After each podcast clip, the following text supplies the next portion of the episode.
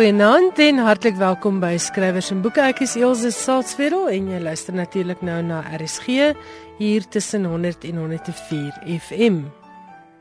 Ons almal ken die naam Vincent van Gogh, maar min van ons weet dat daar hier in Suid-Afrika ook 'n van Gogh was. Cornelis van Gogh was die jonger broer van die wêreldberoemde skilder en Cornelis het 'n groot en belangrike deel van sy lewe hier deurgebring. Hy het hier gewerk, getrou, in die Anglo-Boereoorlog geveg aan die kant van die boere en ook hier gesterf. In sy boek Die onbekende van Gogh verken die geskiedskrywer Chris Kuman hierdie van Gogh en ook sy interaksie met die res van sy familie. By die Stellenbosse Woordfees het professor Albert Grinling met hom gesels en ons luister nou na die Stellenbosse Woordfees gesprek danksy Iono FM. Ek hoop julle geniet dit.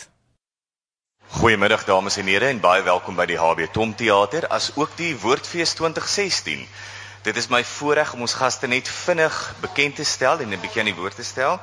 Nou, Chris Kuman is in Somerset Oos gebore en het meestersgrade in die geskiedenis aan die Universiteit van Port Elizabeth en Colorado State University verwerf. Hy is 'n historikus en joernalis en is die skrywer en medeskrywer van verskeie boeke. Sy jongste boeke sluit in Boerseun, Broers in die stryd, Engele in die vreemde, Churchill's South Africa, The Historical Crew and the Somme Chronicles. Professor Albert Groenling specializes in social and cultural history with a particular interest in war and society. He is head of the history department at Stellenbosch University. Baie dankie. Baie welkom hierso en soos jy gehoor het, Chris is 'n baie produktiewe skrywer. En Chris, ek wil begin. Jy het reeds 'n boek oor die Hollanders tydens die Anglo-Boereoorlog geskryf. Is hierdie boek oor Cor van Gogh 'n uitvloeisel daarvan of, of is daar ander faktore wat jou gestimuleer het om hierdie taak te onderneem? Ja, Albert, uh, dis reg. Ek het so 5, 6 jaar gelede het ek uh, eh, boek oor die Hollandse vrywilligers in die Anglo-Boereoorlog gedoen en uh, toe op die naam van uh, Cornelis van Gogh afgekom en natuurlik die van Gogh konnotasie onmiddellik sit jy regop. Maar daar was baie min inligting beskikbaar gewees op daai stadium. Ek was half verbaas dat niemand nog probeer het om om 'n uh, verhaal van hom saam te stel nie. En ek het besluit dit is iets wat ek graag sal wil doen, maar ook terselfdertyd besef maar ek sal moet uh, teruggaan na sy roots toe om dit nou, nou die Engelse woord te gebruik. En op die manier toe nou uh, in Holland en Brabant uh, beland om nou op hulle voetspore terug te gaan. Ek is bly noem die kwessie van die belangrikheid van navorsing. Ek vind deesdae is baie keer nogal 'n neiging om geskiedenisboeke uit te bring wat op baie op 'n vlakkige tipe navorsing berus. Dit is byna asof daar 'n drang is om iets oor die daar is 'n behoefte aan geskiedenis in Suid-Afrika, maar dat daar ook 'n neiging is om dit sommer nou net so saam te flans.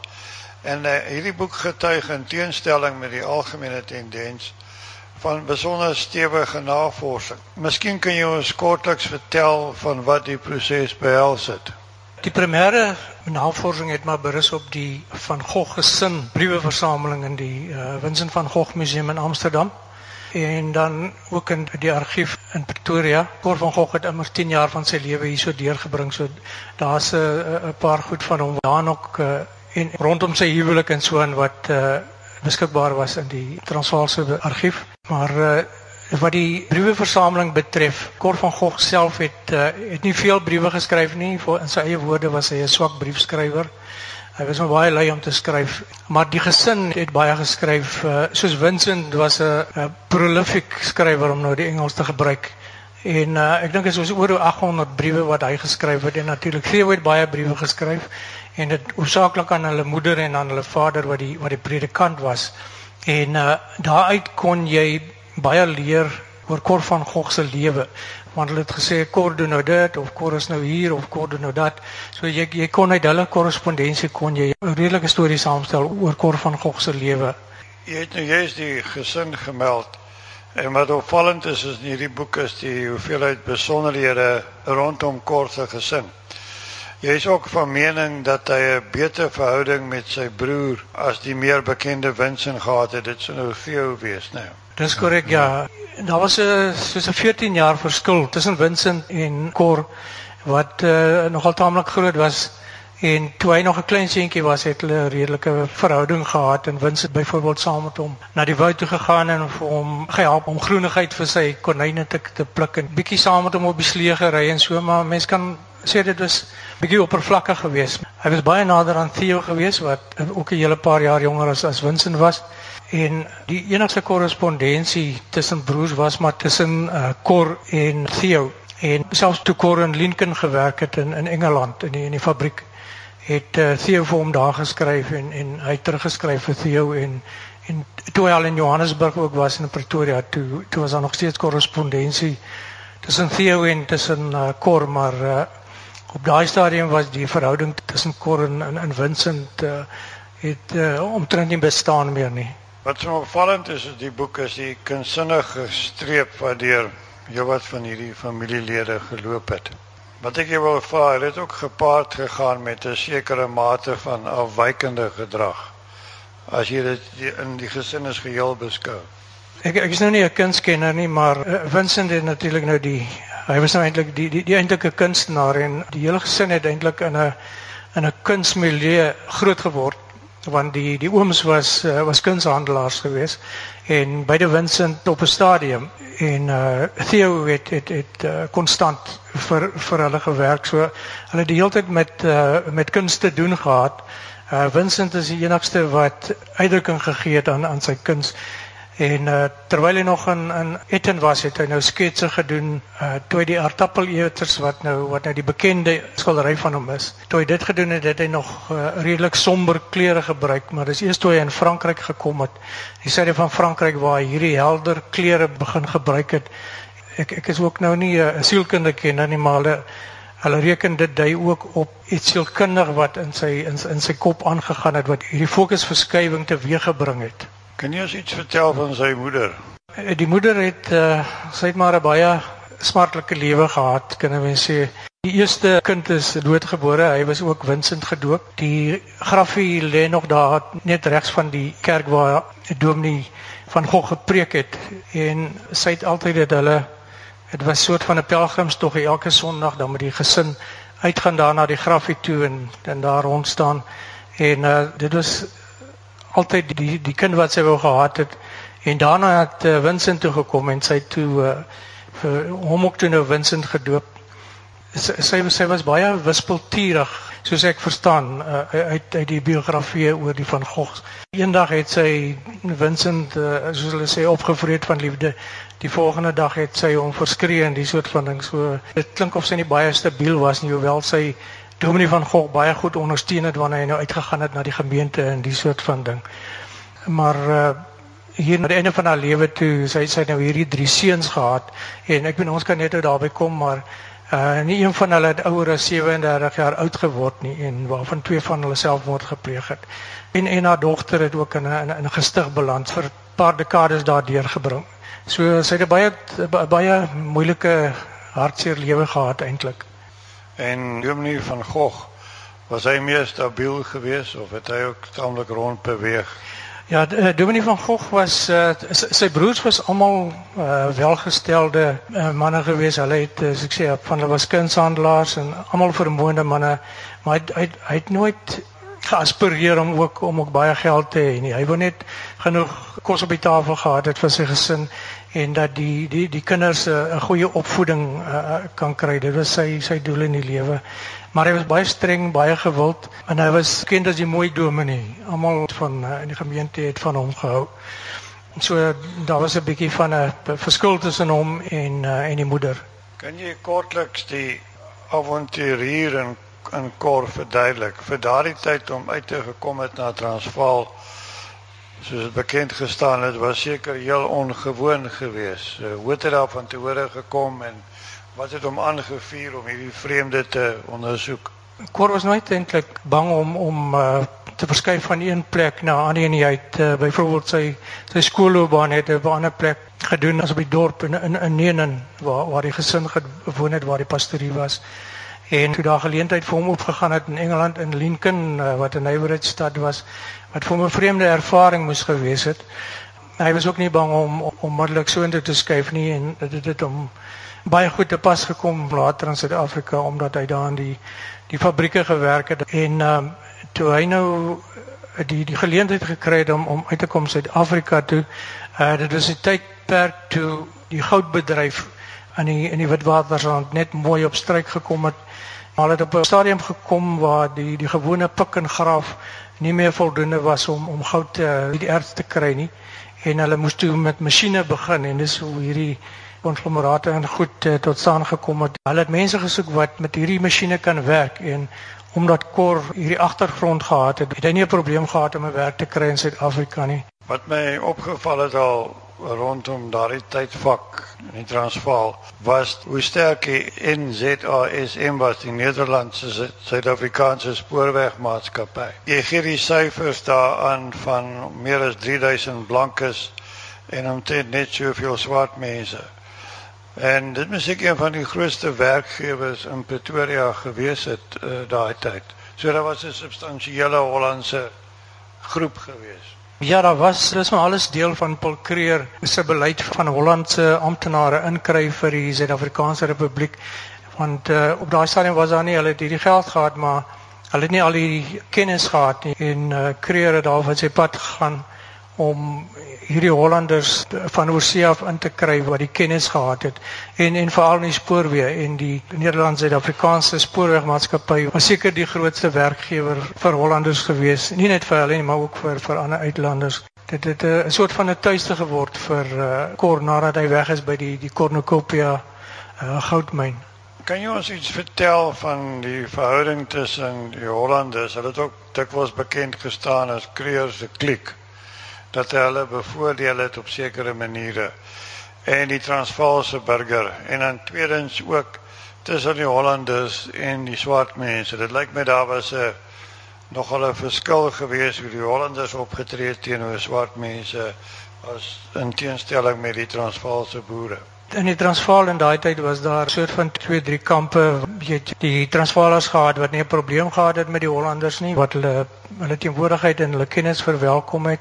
En dan was jy daar weer ander wat wat dit gesien het as hierdie Hollanders, hulle vat ons jobs weg en en en so daar was hierdie hierdie weers in hierdie teenstand teen die Hollanders. En veral mense wat uit die Kaapkolonie gekom het wat goed opgelei was en wat in die Transvaal gekom het en uit poste gehou is deur Hollanders in die oorlog Anglo-Boereoorlog later uh, het dit ook uitgekom dat die die Hollanders die vrywilligers was onder die indruk dat hulle met oop arms verwelkom gaan word deur die boere. Maar dit was alles behalwe die geval. Hulle het uh, teensin gehad in hierdie Hollanders en soms gepraat van die kaaskoppe en uh as daar iemand byvoorbeeld van die mense doodgeskiet is dan gesê ja maar dis so raai dis nie van ons mense nie dis Hollanders. Daai soort van ding. So dit is eintlik uh, eintlik erg maar die die, die Hollanders het uh, soos vir Kor byvoorbeeld wat wat uit Europa gekom het hier in die myne in aan die rand uh, skielik is hier hierdie ter duisende swart mense waarvan hulle geen kennis gedra het nie.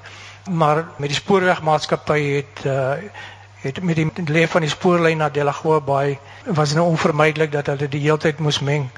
Maar hulle het 'n baie baie meer tegemoetkomende houding gehad teenoor die swart mense as die Transvaalers en uh, van hulle het selfs probeer om om swart tale aan te leer. Kort het ook 'n tamelike onstuimige uh, huwelikslewe gehad. Miskien wil jy ons meer daarvan vertel. In 1897 toe hy een van sy vakansies, uh, sy werksvakansies by die spoorwegmaatskappy gehad het, toe hy oor Holland toe om sy uh, gesin daar te gaan besoek. Maar ek verstaan dat hy terselfde tyd die geleentheid gebruik het om te gaan vrou soek. Dit het baie gebeur dat hulle aan die kant gaan kyk of hulle 'n vrou daar kan kry en terugkeer. Maar uh, onder andere was hy by Theo was uh, toe al natuurlik dood maar toe by Theo Theo se vrou en die die jong seun, die neefie van hom wat toe uiteindelik die stigter was van die van Gogh Museum in Amsterdam. Toe hy nou hulle ontmoet en hy nog posveel saamgevat. Uh maar in 'n geval om 'n lang storie kort te maak, het onverrigter sake teruggekeer, nie 'n vrou aan die ander kant gekry nie. Maar hy was skaars terug hier in 1898 hier in Februarie in in Suid-Afrika. Toe hy getrou met 'n vrou van Duitse afkoms uh, genaamd Anna Fuchs. Hulle het geëmigreer nie nie baie lank voor dit nie uh, uit Duitsland uit. Sy saam met hulle was soos 3, 4 kinders wat saam die pa was het hy nie saam uitgekom hiernatoe. Dit is nie bekend hoe hulle ontmoet het nie. Ek weet die Hollanders het baie sosiale geleenthede gehad uh wat die die spoorwegmaatskappy vir hulle gereël het. So dis moontlik dat hy ja, daar ontmoet het en dan het hulle ook nie nie ver gewoon van die straat waar hy uh, in Polkreerstraat uh, wat uh, Markstraat is nou uh, gewoon nie. In elk geval hulle is toe getroud. Uh, haar pa het 'n uh, jaar nie in die in die gevangenis deurgebring omdat hy die drankwette oortree het. So ek weet nie of kort bietjie skaam was daarvoor nie.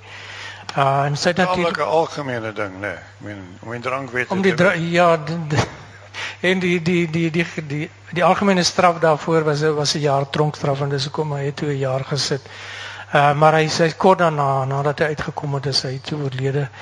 Maar uh die huwelik het hulle hulle beide van hulle het het baie moeilike geaardhede gehad. Uh, Cor was 'n was 'n was 'n moeilike man soos Vincent en uh, Theo tot 'n mindere mate. En dan die vrou, die Anna Fox, ek het met uh, een van haar nasate gepraat en hy het gesê Auntie Anna was a terror, she was a real terror. So uh, daar was altyd hierdie potensiaal dat hierdie twee persoonlikhede gaan bots en op die ouend hier na 8 maande het sy toe die Uh meeste van die meubels gevat wat wat Cor voorbetaal het, uh, uit 'n lening gekry by sy by sy swaar in Holland. En uh, dit sy die meubels gevat en sy toe uitgetrek. Maar hulle is nooit amptelik geskei nie. Hy is in elk geval oorlede voordat dit kon gebeur. Uh, laat ons 'n bietjie aanbeweeg na die na die Boereoorlog. Wat sou jy sê is die belangrikste rede? Jy gee 'n hele aantal redes in jou boek aan waarom hy by die boeremagte aangesluit het. Wat hy sekerlik ook kon vermy het wanneer was hy was nie 'n burger gewees nie, daar was geen konskripsie verpligting op hom dat hy moes diensplig doen nie. Wat sou jy sê was die rede wat hom laat aansluit het? Ek dink daar was hierdie ja, hierdie gevoel van stamverwantskap wat die meeste van die Hollanders gehad het, maar ek dink nie dit alleen kon hom beweeg het nie. Ek, ek weet hy het in die Jameson oorlog het hy wagdiens gedoen. So hy het 'n simpatie gehad met die met die boere saak, maar soos wat ek kon agterkom, die meeste van die Hollanders, dit was ewe seer 'n geval van ons gaan nou saam die boere veg, maar dit is amper meer ons gaan nou teen die Engelse veg. Dit was hulle groot oorweging. En uh, net voor die oorlog het Kor ook petisie geteken, maar soos Albert reg opmerk, hy hy was nie 'n Transvaalse burger nie. Hulle kon hom nie opkommandeer nie. Maar in die spoorwegmaatskappy was 'n sweet uh, wat aan die hoof gestaan het van die werkswinkels waar waar Kor gewerk het met die naam van uh, Oogla en uh, hy was 'n uh, geweldige groot uh, boeresimpatiseerder en mense vermoed maar net dat hy hier agterlangs het hy baie van hierdie Nederlandse uh, werknemers uh, so 'n bietjie opgesweep om ook bietjie aan te sluit by die boere. Rondom die kwessie hoe uh, Corrin se einde gekom het dit is nogal 'n tragiese verhaal gewees uh, miskien wil jy 'n bietjie daarop uitbrei asseblief kon dit maar eers aangesluit by die boere hier in in in Maart maand toe die getuie nou al klaar gedraai het teen die boere. Uh dit is na Paardeberg en in in in die soort van ding. En uh hy het by die vreemde legioene aangesluit wat uh, onder die Franse kolonel was. Uh maar hy het onder onder kommandant Blugnout uh, wat 'n boerekommandant was wat een van die groepe beheer het onder die vreemde legioen.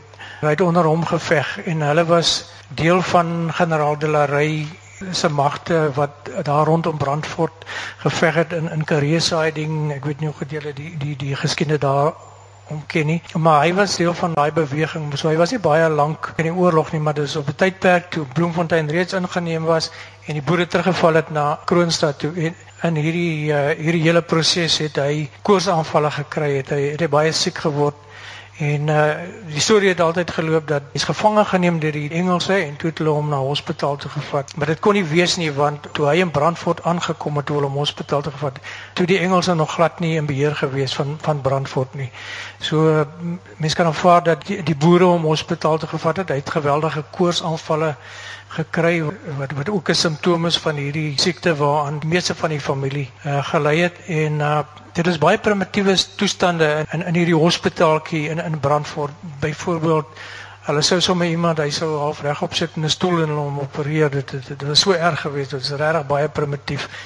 En uh toe het hy tydens een van hierdie koorsaanvalle het hy homself geskiet en dit is so aangeteken in die Rooikruis rekords uh selfmoord gedurende koors Was daar later gerugte dat hy van Vincent se skilderye sou gehad het en dat dit baie werd sou wees later jare en dat dit ergens weggesteek is? Was daar sulke tipe gerugte of of mites in omloop geweest? Ja, ek weet mense wil graag hê dat daar van Vincent se skildery hier so in Suid-Afrika moes agtergebly het, maar ek kon niks absoluut niks uh, opspoor wat wat daarop dui nie, want uh, Corrie het in sy briewe wat hy geskryf het, het hy gepraat van hierdie platen om die Hollandse woord gebruik en dan hierdie fotos en goed, maar dit was die platen waarvan hy gepraat het was maar eintlik maar net afdrukke wat hy tydens 'n Paryse tentoonstelling terwyl hy daar was, wat hy daar saamgebring het en dan die ander was maar net uh met 'n maar posters amper wat uit tydskrifte gekom het wat hy teen sy muur geplak het. Maar da, daar was nooit enige bewys dat hy van Vincent se skilderye saam met hom uh gebring het nie. En uh iemand hier in Stellenbosch het vir my nie lank gelede nie vertel van hulle het twee sketsies van van Vincent wat geteken is Vincent en kan dit Vincent van Gogh wees wat dit gedoen het. Sou Cor van Gogh so ver gegaan het om die sy handtekening te vervals om dit te kon verkoop. Maar my antwoord is net op daai stadium toe Cor hierso was, toe was Vincent nog heel onbekend geweest. Daar's se vir hom niks in so 'n stap gewees het om iets te vervals nie want niemand sou dit gekoop en niemand het geweet hierso in Suid-Afrika van Vincent van Gogh nie. 'n Oorkoepelende vraag, wat sou jy sê is die tipe sentrale boodskap of die sentrale gedagte van jou boek rondom Cor van Gogh? Teen die einde van die boek het ek probeer om 'n bietjie van 'n uiteensetting te gee van die tragedie van hierdie van Gogh familie. Die vraag gevra was Vincent van Gogh hierdie mal kunstenaar waarvoor almal hom uitmaak. En uh die bietjie mediese joernale, ek is nog glad nie 'n mediese ekspert nie wat ek uh, geraadpleeg het. Blyk dat hierdie hierdie siekte wat hulle noem uh in Engels acute intermittent porphyria Ehm um, ek weet nie wat die groot Afrikaanse woord daarvoor is nie, maar dit is daar in die boek. Maar die simptome daarvan was koorsigheid en angstigheid en halusinering en daai daai tipe van ding. En ehm um, Vincent het definitief daaraan gelei. Theo wat uh altyd die stabiele een was, hy het later uh, ook in 'n in 'n in 'n sielsieke inrigting beland as gevolg van die die nagevolge van van sifilis en hy is ook toe daar dood omtrent 6 maande nie lank na na Vincent nie. En uh Cor vermoed mense het ook die die dieselfde probleme gehad. Hulle sou dit nie in die oorlog sou hulle nou dit nou maar net toegeskryf maar net gesê dit was bomskok uh en dan die die een suster Wilmien, sy het ook hierdie hierdie sielkundige probleem gehad en ehm um, vir ek dink soos 30 jaar en nie langer nie het sy ook in 'n in 'n inrigting gesit, glad nie gepraat nie. Hulle moes haar dwing om te eet en ehm um, sy is toe op 'n uh, rype ouderdom en sy toe daar oorlede.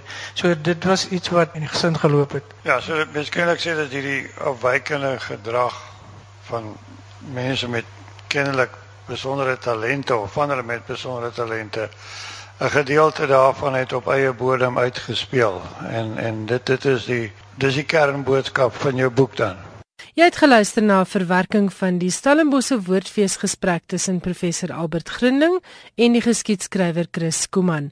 Hulle het gesels oor Chris se jongste boek, Die Onbekende van Gogh. Dit word uitgegee deur Zebra Press en kos R230. My dank aan Iono FM vir die beskikbaarstelling van hierdie opname. Aspirant skrywers moet die ore spits want dis weer tyd vir die Bloemfontein se skrywersvereniging se jaarlikse nasionale skryfwedstryd. Dit word weer aangebied in vennootskap met die Nasionale Afrikaanse Letterkundige Museum en Navorsingsentrum of NALLEN en die hoofborg is weer die fakulteit vir Geesteswetenskappe aan die Universiteit van die Vrystaat met 'n eislike R18000 prysgeld. Die afdelings waarin daar meegedink kan word met 'n kortverhaal, kort kortverhaal, skets of vertelling, 'n opstel of essay en poësie is dan skoolafdelings. Daar is plek vir juniors, graad 8 en 9s en graad 10s tot 12s en ook oop afdelings vir ongepubliseerde volwasse skrywers en ook vir gepubliseerde skrywers.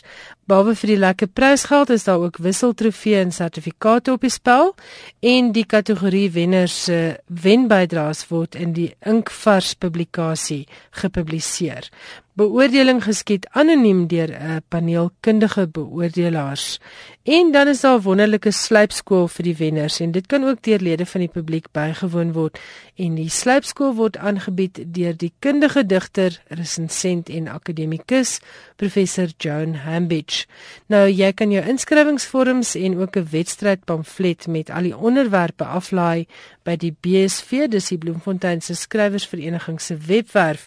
Die adres is bloemsv.wordpress.com of jy kan vir Corlita Swart, sy is die voorsitter van die Bloemfontein se skrywersvereniging kontak by bloemsv@gmail.com of jy kan vir Lelani Fourie die sekretaresse kontak by 073 3883377. Die inskrywing sluit op die 13de Mei, so maak seker dat jy voor daardie tyd inskryf vir die Bloemfontein se skrywersvereniging se skrywedstryd vir 2016.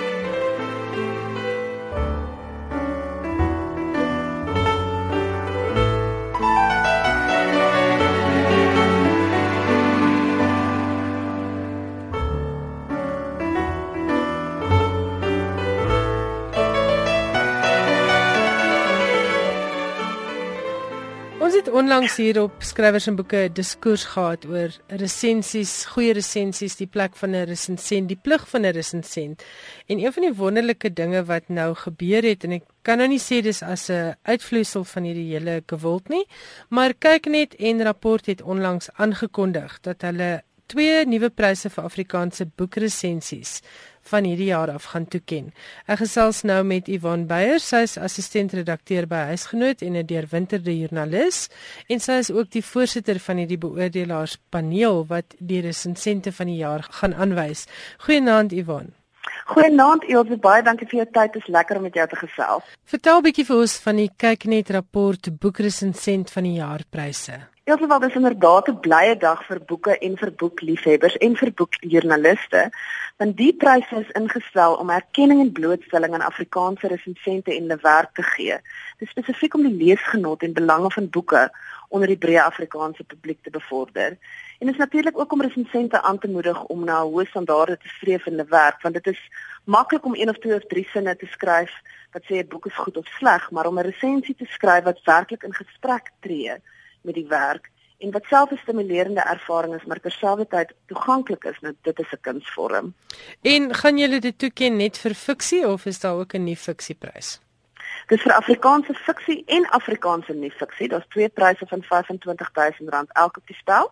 Slegs Afrikaanse resensies sal oorweeg word, maar resensente wat romans geresenseer het kan inskryf, resensie wat poesie geresenseer het kan inskryf, wat nie fiksiewerk geresenseer het kan inskryf. Ons gooi dit oop vir Afrikaanse resensies uit alle oorde. En dit is nie net in drukmedia nie. Met ander woorde, dit is nou nie 'n Media 24 prys vir 'n Media 24 joernalis nie. Beslis nie. Dankie dat jy vra Elsje. Nee, dit is vir enige resensie wat verlede jaar, dis met ander woorde van 1 Januarie 2015 tot 31 Desember 2015 verskyn het wat was in die drukmedia en hoofstroom aanlyn media op onafhanklike webwerwe webwerwe so publikasies buite media 24 se resensies sal ook oorweeg word ook natuurlik resensies wat verskyn het op Litnet enige iemand wat 'n resensent gepubliseer het in hierdie tyd maar natuurlik nie net op sy eie webwerf of op Facebook byvoorbeeld nie kan inskryf. Goed, maar nou sien ek iets hier wat my onmiddellik pla. Ek sien niks vir radio nie. Dis nou nie selfs daaroor Ilse, want daar's natuurlik wonderlike gesprekke op radio en resensies op radio en op TV ook oor boeke. Ons het lank daaroor gesels om ook dit in te sluit, maar ons begin vir eers nou met resensies in die drukmedia en aanlyn media geskrewe word. Ons hoop om die prys later uit te brei om ook resensies wat op die radiogolf of op TV verskyn het in te sluit. Dit is iets waarna ons streef en ons hoop om dit in die toekoms te kan doen. Goed, 10 resensies per kategorie is wat 'n resensent mag inskryf En dit is nou terugwerkend. Jy kyk nou al reeds na resensies wat verskyn het vanaf 1 Januarie 2015 tot 31 Desember 2015. En dan is die sluitingsdatum sommer om die draai as ek reg onthou. Ja, dis 31 Maart, so dit is hier net na Paasnaweek. So ons wil resensente vra om aan die werk te spring en hulle inskrywings te stuur. Ons het aanvanklik gedink dit moet gekoreer word, maar ons wil dit nou sommer nog meer toeganklik word. So 'n PDF van 'n resensie saam met 'n inskrywingsvorm kan gestuur word na Anita van Sail, die sameroeper, Haar besonderhede is 0214223350, dis haar telefoonnommer. En haar e-posadres is anita@vansailpr.co.za. Goed, en Inskrywingsvorm is ook by haar beskikbaar. so mense moet vir haar bel of e-pos en net 'n inskrywingsvorm aanvra. Dis reg so. Dis reg so. Wie is saam met jou beoordelaars? Die my mede-beoordelaars is Bibi Slippers, die inhoudsvervaardiger van die Kyknet program Flits, dis 'n kuns- en kultuurprogram. Sy was voorheen ook betrokke by Litnet en VC en sy is self 'n deurwinter by joernalis. Ook saam met my op die paneel is Humerie Diek, sy's 'n vryskut taalpraktisyn en sy was inhoudsregisseur van Robinson en Trontyd en Dagbreek op Kyknet. Sy was ook betrokke by Insig en Top Insig.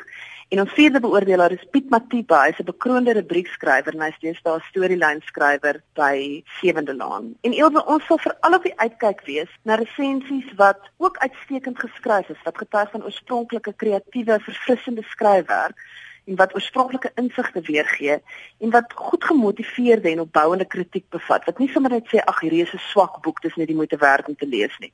Ons wil hê die resensies moet regtig getuig van 'n breë verwysingsraamwerk van konteks, van werklike insig. Dis Goed. die soort werk wat ons aandag gaan trek. En gaan julle byvoorbeeld in ag neem as iemand net 300 woorde gekry het by die boeke redakteur? Absoluut natuurlik. Ek is self 'n joernalis. Ek weet dit is streng die redakteurs is en sê nee sny met 'n 100 woorde en so voort. En hoe moeilik dit is om 'n kort resensie te skryf. Dit is soms makliker om duisende woorde te skryf oor 'n boek as wat dit is om werklik die belangrike inligting weer te gee in 'n paar honderd woorde. So ons sal absoluut plekbeperkings in ag neem. Goed. En dit is gratis. Daar's nie inskrywing inskrywingsgeld nie, nee. Die enigste geld wat ter sprake is, is die geld wat in die koevertjie oorhandig word aan die wenner. Dis wonderlike nuus. Ivan, jy sê die sluitingsdatum is 31 Maart. Ek gaan net gou-gou weer Anita van Sail se kontakbesonderhede gee vir inskrywingsvorms. Sy is by Anita by van Sail pr.co.za van Zyl v a n z i l p r.co.za en haar selfoonnommer is 0837096677. Dit is dan nou vir boekresensente wat wil inskryf vir Kyknet rapport se boekresensent van die jaar 2016. 'n Wonderlike R25000 per kategorie is op die spel. Elsje, ek wil net ten slotte ook noem, die wenners word op 24 September vanjaar aangekondig saam met die Kyknet rapport boekepryse in Kaapstad, maar ons gaan die kortlys al hier in Augustus bekend maak en dit gaan baie opwindend wees om te sien watter resensente vanjaar op die kortlys is vir die wonderlike nuwe pryse. Baie dankie en baie voorspoed met julle beoordeling. Ek neem aan julle gaan toegegooi word deur uh, Hoop resensies. so. Ek hoop ons ontvang bokse en bokse vol resensies. En die entoesiastiese stem behoort aan Yvonne Beyer, sy is die assistentredakteur by Huisgenoot en ook die sameroeper of die voorsitter van die beoordelaarspaneel vir die nuwe boekresensent van die jaar pryse wat Kyknet en rapport onlangs uitgeloof het.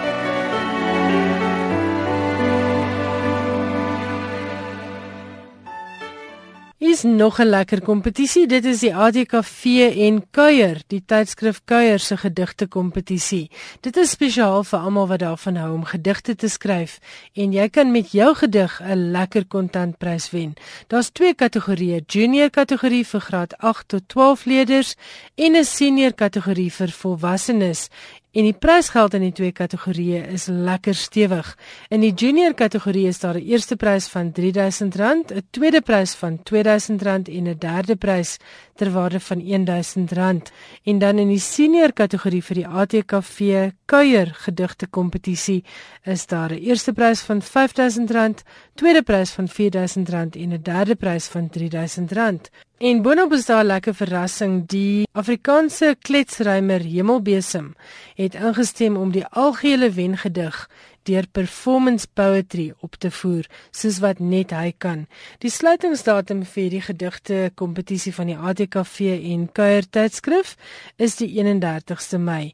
Jy kan jou gedig stuur per e-pos na kuier@kuier.co.za met ATKV gedigte kompetisie in die onderwerplyn of jy kan dit pos na die ATKV gedigte kompetisie. Die posadres daar is posbus 1802 Kaapstad 8000 of jy kan dit inbox na Kuier se Facebookblad by Kuier in styl op Facebook. Daar is 'n paar kompetisiereëls. Jy kan net een gedig inskryf en dit mag nie langer as 14 reëls wees nie. Jou gedig moet in Afrikaans wees. Dit kan inskryf of praat Afrikaans wees, nes jy dit skryf of praat. Dit kan oor enige onderwerp handel en dit mag nie Cree taal bevat nie. Dit moet ook jou eie oorspronklike samestelling wees en mag nie voorheen elders gepubliseer gewees het nie. Inskrywings kan glad nie teruggestuur word nie en die ATKV en Kuier behou die reg voor om gedigte wat ingeskryf is te publiseer. Die finaliste en wenner word deur die redakteur en beoordelaars aangewys en hulle beslissing is finaal. Geen korrespondensie sal daaroor gevoer word nie. Pryse is nie oordraagbaar aan iemand anders nie en die finaliste en wenners moet bereid wees om in kuier te verskyn en aan bemarkingsaktiwiteite van kuier en die ATKV deel te neem. Dit is dan die ATKV en kuier tydskrif se gedigte kompetisie. Die sluitingsdatum is 31 Mei 2016. Johan Meiberg is in die ateljee onder meer met die langlys vir die Booker International Prys. Baie welkom Johan. Baie dankie. Dis altesaam 13 romans wat op die langlys is vir die Man Booker International Prys wat van vanjaar af jaarliks toegeken gaan word en nie elke 2 jaar soos in die verlede nie. Volgens Jonathan Taylor, voorsitter van die Man Booker Stichting, is die verandering aangebring omdat die prys momentum verloor as dit elke 2 jaar toegeken word, sê hy. Boonop staan die Man Booker International voortaan bekend as 'n prys vir vertaalde fiksie. Die oogmerk sê Taylor is om vertalings in Engels aan te moedig. Die prysgeld van net meer as 'n miljoen rand word gedeel deur die skrywer en die vertaler. Vanjaar se langlys weerspieël volgens die organiseerders die verskeidenheid wat hulle in die oog het. In boonop kom die boeke nie net van 'n klomp lande af nie, maar ook deur skrywers wat vorendag kom met uiteenlopende benaderings tot die roman as kunsvorm. Die lys lyk so en ek het dit ingedeel volgens lande. Van Angola is daar A General Theory of Oblivion deur José Eduardo Agualusa, vertaal deur Daniel Hahn en uitgegee deur Havel Secker. Van Italië is daar The Story of the Lost Child deur Elena Ferrante, vertaal deur Anne Goldstein en uitgegee deur Europa.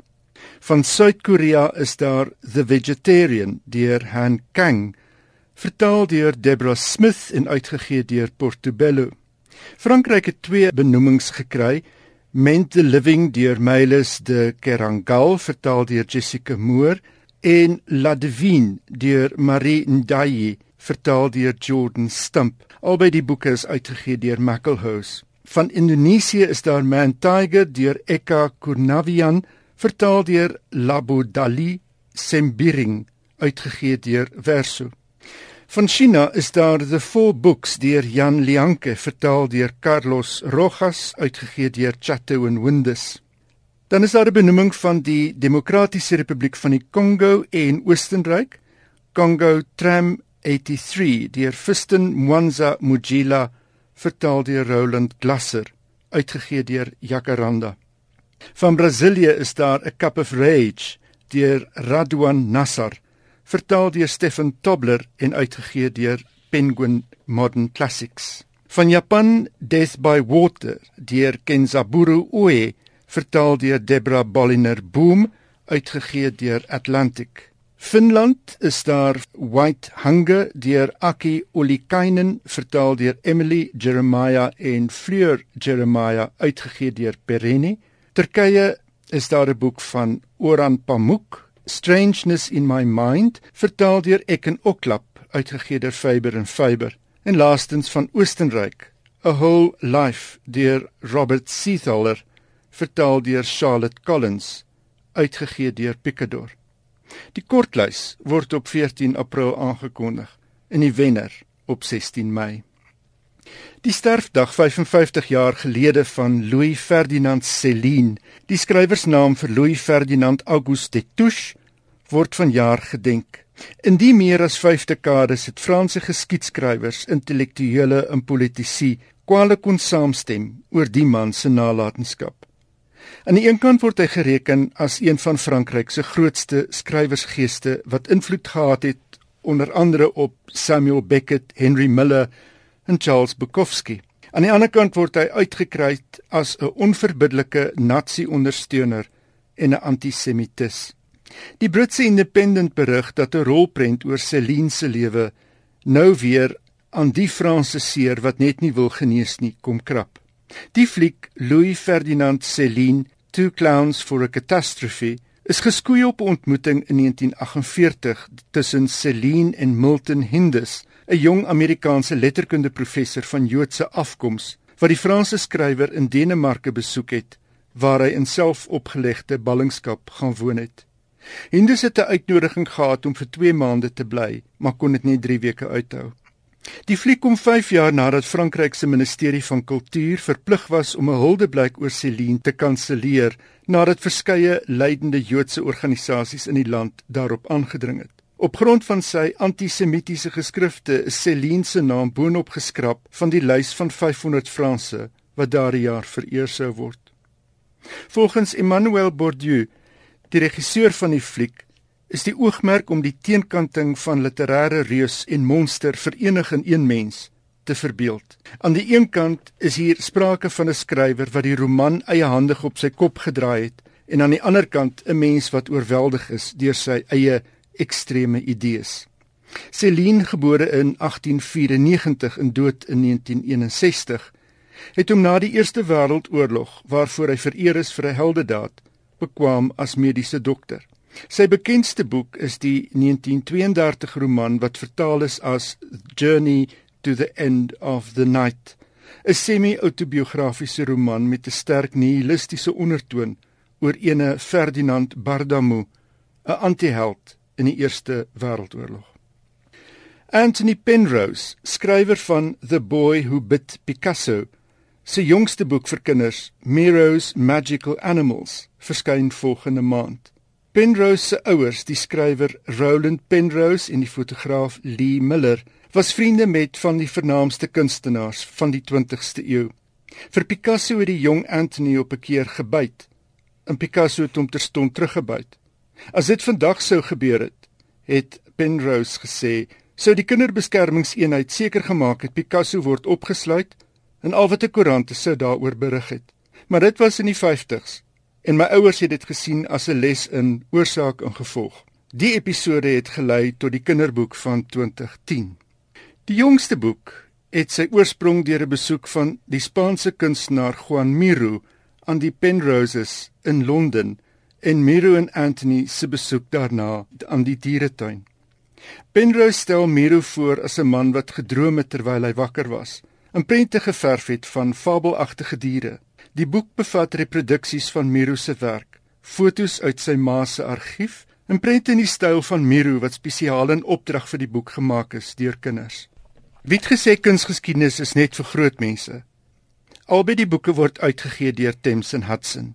Die titels van die twee boeke net weer The Boy Who Bit Picasso en Miro's Magical Animals. Nou teen hierdie tyd weet julle al daardie stemwoord aan Johan Meiburg. Johan, baie dankie vir 'n baie lekker bydrae. Dis dan die einde van Finansies Skrywers en Boeke. Volgende week is ek weer terug. Dan gaan ons luister na nog woordfeesgesprekke vir die volgende week of 2. Gaan ek vir mense wat nie by die woordfees kon wees nie, 'n bietjie hoogtepunte van hierdie woordfeesgesprekke speel. Baie dankie dat jy vanaand saam geluister het. Stuur 'n e-pos na skrywers en boeke by RSG www.rsg.co.za of 'n SMS na 34024 en onthou elke SMS kos R1 en gratis SMS'e tel ongelukkig nie. Ek wil ook baie graag van jou hoor oor die boek wat jy dink of oor die boeke wat jy dink 'n groot impak op Afrikaans as taal gehad het. Dit kan uit enige dekade wees. So stuur vir my die naam van die boek, die skrywer en hoekom jy dink dit 'n groot impak op Afrikaans gehad het. Die SMS nommer net weer 34024 of stuur vir my e-pos na skrywersenboeke@rsg.co.za. Geniet die Paasnaweek, ry veilig, kom veilig terug volgende week. Geniet die ruskans en onthou om RSG saam met jou te neem waar jy ook al gaan hierdie naweek. Totsiens. thank you